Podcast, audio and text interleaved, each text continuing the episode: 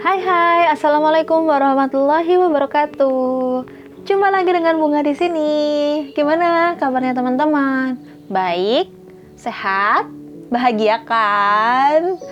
Ya, karena kita harus bahagia. Dan seperti biasanya, aku akan membacakan tiga kiat dari buku yang sama, yaitu Don't Sweat the Small Stuff in Love. Jangan meributkan masalah kecil dengan pasangan Anda. Buku ini ditulis oleh Richard dan Christine Carlson, berisi tentang cara-cara sederhana untuk memperkuat tali cinta dan menghindari kebiasaan-kebiasaan yang dapat menghancurkan hubungan Anda dengan pasangan Anda. Oke, okay. Ini sudah bab 3 ya teman-teman dan aku mau ngucapin terima kasih banyak sudah mau mendengarkan sampai podcast yang ketiga ini. Semoga teman-teman masih tetap setia dan berkenan. Semoga dapat manfaat dari kiat-kiat yang telah aku share di sini dari bab 1 sampai mau ke bab 3 ini. Yeay! dan ya, seperti biasanya juga aku akan membacakan tiga kiat Judulnya adalah jeng jeng jeng. Oke. Yang pertama mendahului bersikap ramah oleh Chris. Jadi ini ditulis oleh Chris ya teman-teman. Lalu yang kedua, jangan anggap pasangan Anda seperti karung pasir. Dan yang ketiga, tanyakan siapa yang sebenarnya konyol. Oke, okay. ya seperti biasanya ini judul-judulnya ini membuat kita tertarik ya. Maksudnya apa nih? Jadi pengen tahu kelanjutan dari materinya apa ya tentang apa ini? Maksudnya bagaimana? Kiat-kiat apa yang diberikan oleh Richard dan Christine ini? So daripada kita bertele-tele, langsung aja kita dengerin bersama-sama tiga kiat dari Don't Sweat the Small Stuff in Love. Selamat mendengarkan.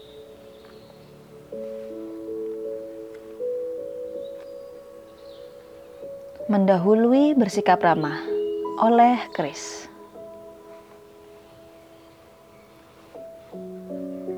Dalam keadaan apa pun, tetaplah bersikap ramah. Jadikan itu prioritas utama yang Anda praktekkan setiap hari. Mulailah di rumah terhadap pasangan Anda. Sikap ramah adalah salah satu bahan utama untuk menumbuhkan perasaan hangat di antara dua manusia. Keramahan bahkan bisa menjadi pusat seluruh hubungan Anda.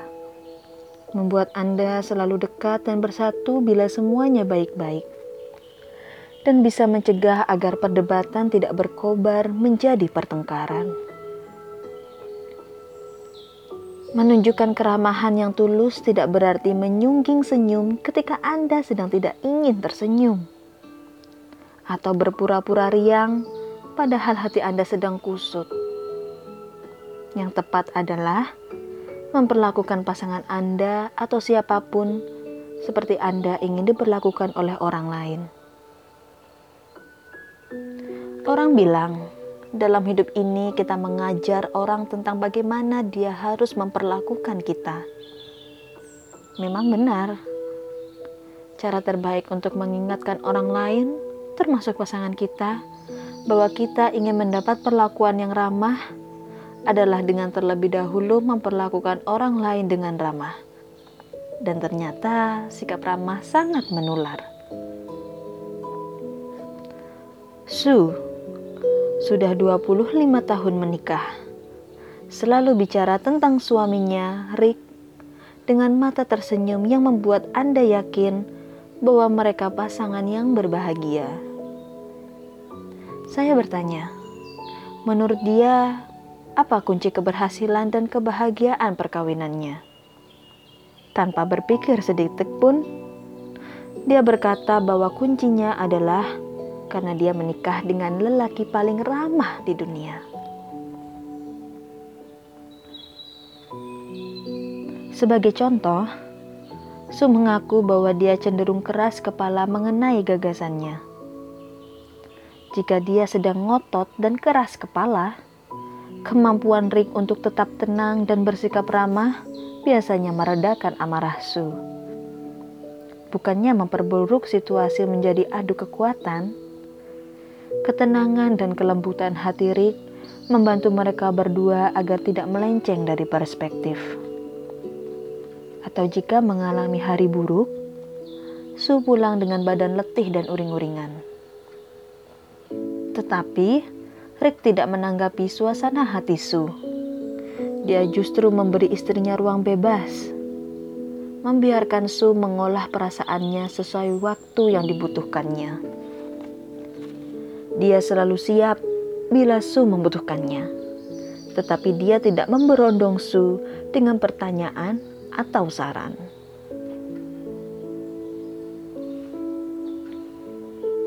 Memperlakukan pasangan Anda dengan ramah sama ramahnya dengan perlakuan Anda terhadap sahabat Anda. Sungguh penting. Mulailah dengan hal-hal kecil, menjadi pendengar yang baik, penuh hormat, dan penuh perhatian. Bersikap ramah berarti minta izin bila mana perlu dan mengatakan maaf bila Anda salah atau membuat kekeliruan. Bersikap ramah berarti bersikap sopan. Dalam hal ini, Anda berusaha mengantisipasi kebutuhan pasangan Anda dan bertanya pada diri sendiri, apa yang bisa membuatnya bahagia sekarang? Adakah sesuatu yang bisa kulakukan? Bersikap ramah pada dasarnya menyangkut hal-hal kecil. Tentu saja pandangan saya ini bias. Tetapi saya hidup bersama salah satu manusia paling ramah di dunia. Hampir setiap hari Richard selalu bangun dengan mata tersenyum dan mensyukuri hidupnya.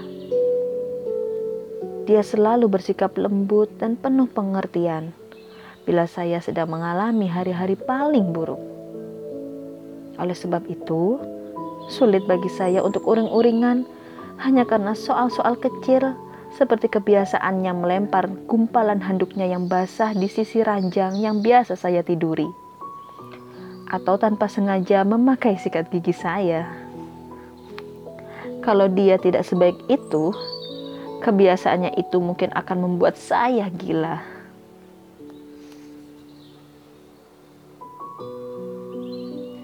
Kami telah belajar bahwa sungguh mudah bersikap ramah bila semuanya beres, dan bila pasangan Anda yang memulainya.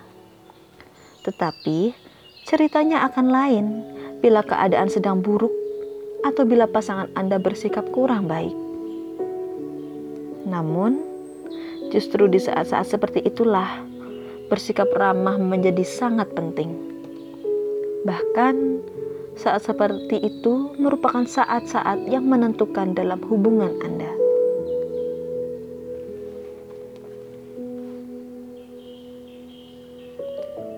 Manusia itu seperti cermin bagi orang lain. Pada umumnya, kita mendapat imbalan yang sebanding dengan apa yang kita lakukan. Bila orang yang Anda cintai sedang sial, cobalah cara lain untuk sedikit berbeda. Tataplah matanya sambil tersenyum dan katakan, "Ah, tidak apa-apa. Aku selalu mencintaimu." Bahkan ketika kamu sedang patah semangat. Kemungkinannya adalah jika itu Anda lakukan, Anda akan mendapat seulas senyum sebagai imbalan.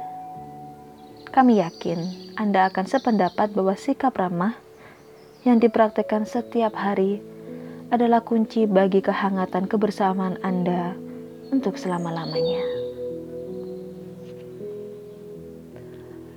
Oke, okay, teman-teman.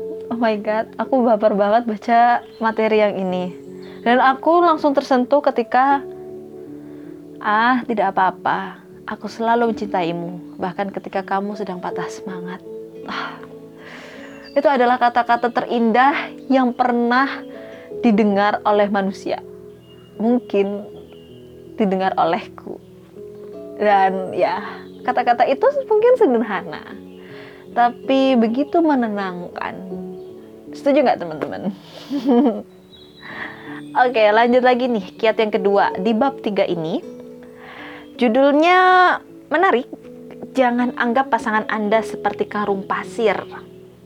Karung pasir. Maksudnya gimana nih? Oke, aku makin penasaran jadi kita langsung aja yuk. Bab ketiga, kiat kedua. Selamat mendengarkan.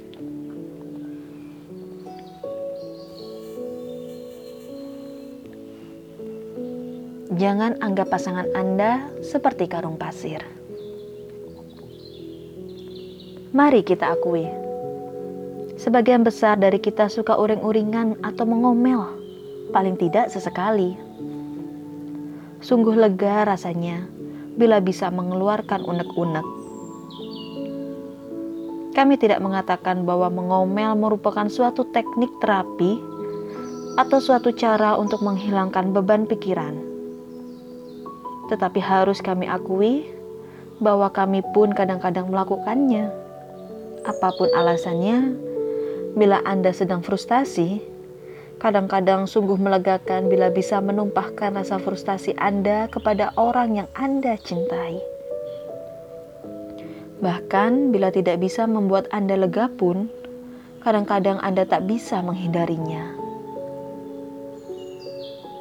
Meskipun demikian, ada perbedaan sangat besar antara mengomel karena ingin menumpahkan unek-unek dengan menjadikan mengomel sebagai bagian integral dari cara Anda berkomunikasi. Kami mengamati bahwa dalam hidup berpasangan, bila salah satu pihak bisa disebut si pengomel, maka hampir pasti pasangannya akan merasa diperlakukan seperti karung pasir untuk berlatih tinju Salah satu hal terburuk mengenai mengomel adalah tersedianya materi tanpa batas yang bisa dijadikan alasan. Dengan kata lain, ada saja masalah yang bisa membuat kita kesal kalau pikiran kita fokuskan ke sana. Karena itu, jika Anda mengasosiasikan agar hati bisa lega dengan harus mengomeli pasangan Anda, maka Anda akan kecanduan, dan dengan mudah sikap itu akan menjadi kebiasaan. Itu kalau Anda berpendapat bahwa lebih sering mengomel akan membuat hati lebih lega.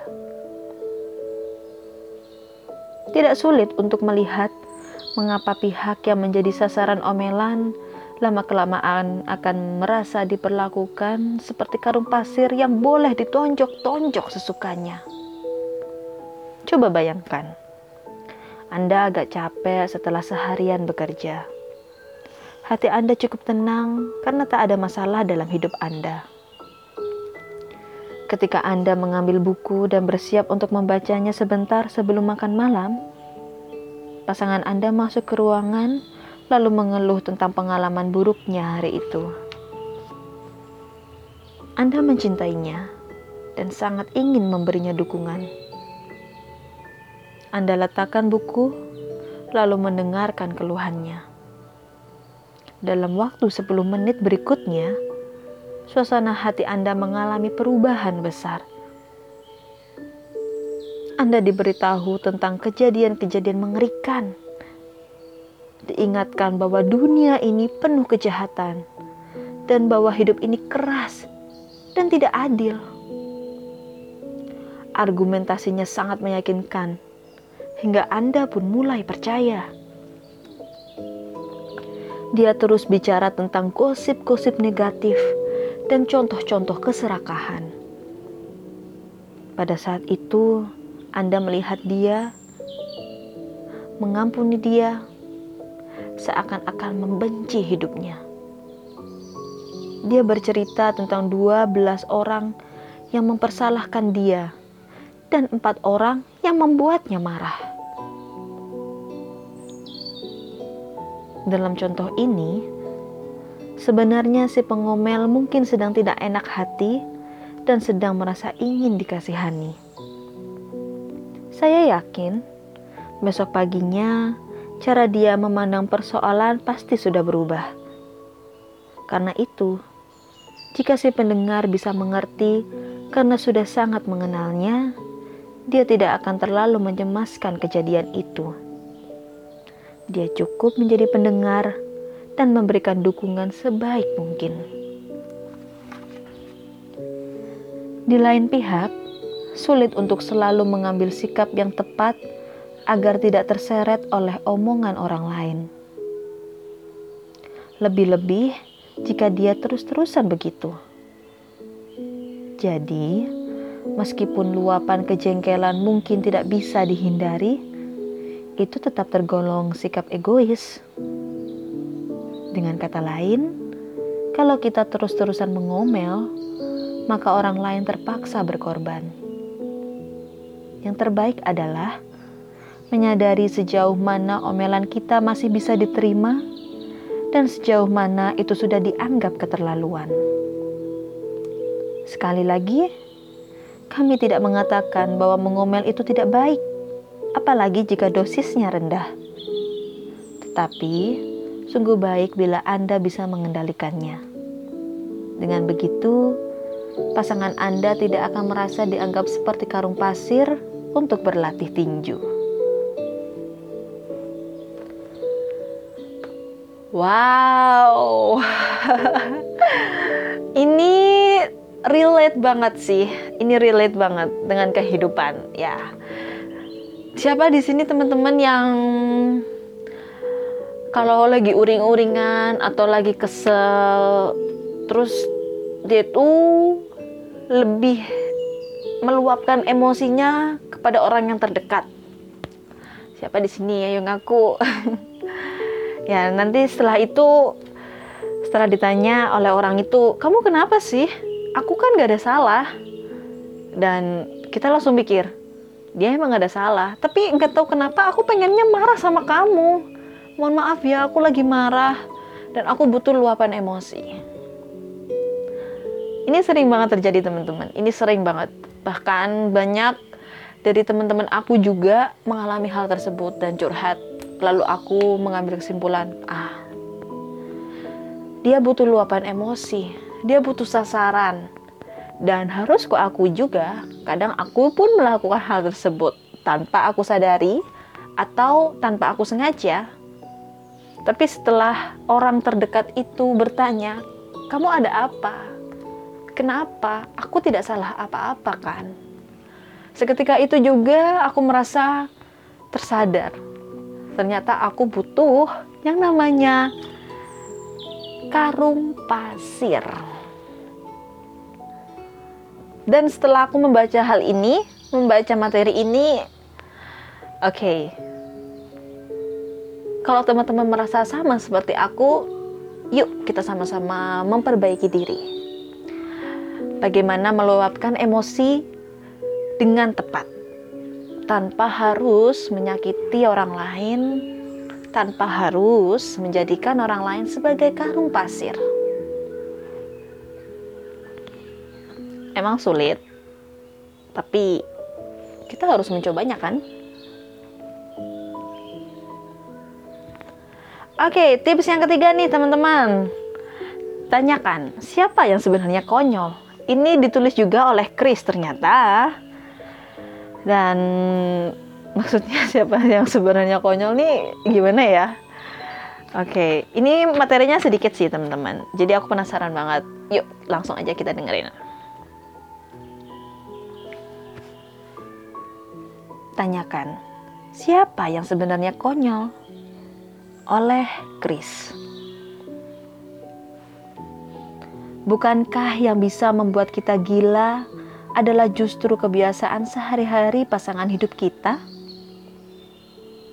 Kebiasaan sehari-hari yang sepele, misalnya memencet odol dari tengah atau tidak mengangkat penutup kloset, memang konyol. Tetapi Anda bisa sangat mencintai seseorang dan sekaligus gampang kesal hanya karena harus berbagi ruang dengannya jika ada hal-hal yang terus-menerus membuat Anda terganggu, sebelum membuatnya menjadi masalah besar, tanyakan pada diri Anda, siapa yang sebenarnya konyol? Selama bertahun-tahun, ritual pagi yang selalu saya lakukan adalah membuka lemari, mengambil handuk bersih berwarna cerah, lalu menggantungkannya di kamar mandi. Tetapi sering terjadi Richard yang mandi lebih dahulu. Ketika saya selesai mandi dan mengulurkan tangan hendak mengambilnya, ternyata handuk bersih itu sudah tidak ada. Hampir setiap pagi saya terpaksa lari-lari dari kamar mandi dengan badan basah untuk mengambil handuk. Lama-lama saya marah sekali. Suatu hari, ketika sedang berjalan ke lemari untuk mengambil handuk, saya mulai marah. Bahkan sebelum mandi, karena tahu handuk bersih itu akan dan sekali lagi dipakai oleh suami saya. Untunglah hari itu saya sedang enak hati. Saya renungkan hal itu sebentar dan saya ajukan dua pertanyaan kepada diri saya sendiri. Hmm, kalau bisa ambil satu handuk, kenapa tidak bisa ambil dua? Siapa yang sebenarnya konyol? dilihat dari sudut pandang tertentu, skenario itu benar-benar konyol. Saya nyaris gila karena kesal sekali. Padahal Richard sama sekali tidak sadar bahwa saya frustasi. Selama itu dia berpikir, alangkah manisnya wanita yang dinikahinya karena selalu menyiapkan handuk bersih untuknya. kekonyolan bisa berbentuk macam-macam. Sebagai contoh, saya pernah mendengar cerita tentang David dan Pamela, sepasang suami istri. Pamela relatif cukup pembersih, tetapi suaminya terobsesi oleh kerapian dan kebersihan. Maksud saya, bagi David, semua harus benar-benar bersih. Suatu malam sehabis mencuci piring, tanpa sengaja Pamela meninggalkan sepotong daun selada di bak cuci. David berdiri di depan bak cuci dan berteriak keras-keras. Pamela, cepat ke sini. Dapur masih kotor. Nah, siapa yang sebenarnya konyol? Tentu saja David. Jika masing-masing bisa mencermati apa yang sebenarnya terjadi, maka tidak akan timbul masalah. Dalam kasus ini, jika David bisa menyadari bahwa dialah yang neoritik alias konyol, dia akan bisa menertawakan dirinya sendiri dan tidak akan lagi menuntut terlalu banyak dari istrinya. Di lain pihak, jika Pamela bisa memahami kekonyolan David dan menganggap itu adalah masalah suaminya, dia akan bisa bersikap tidak peduli atau cukup tersenyum tanpa merasa tersinggung.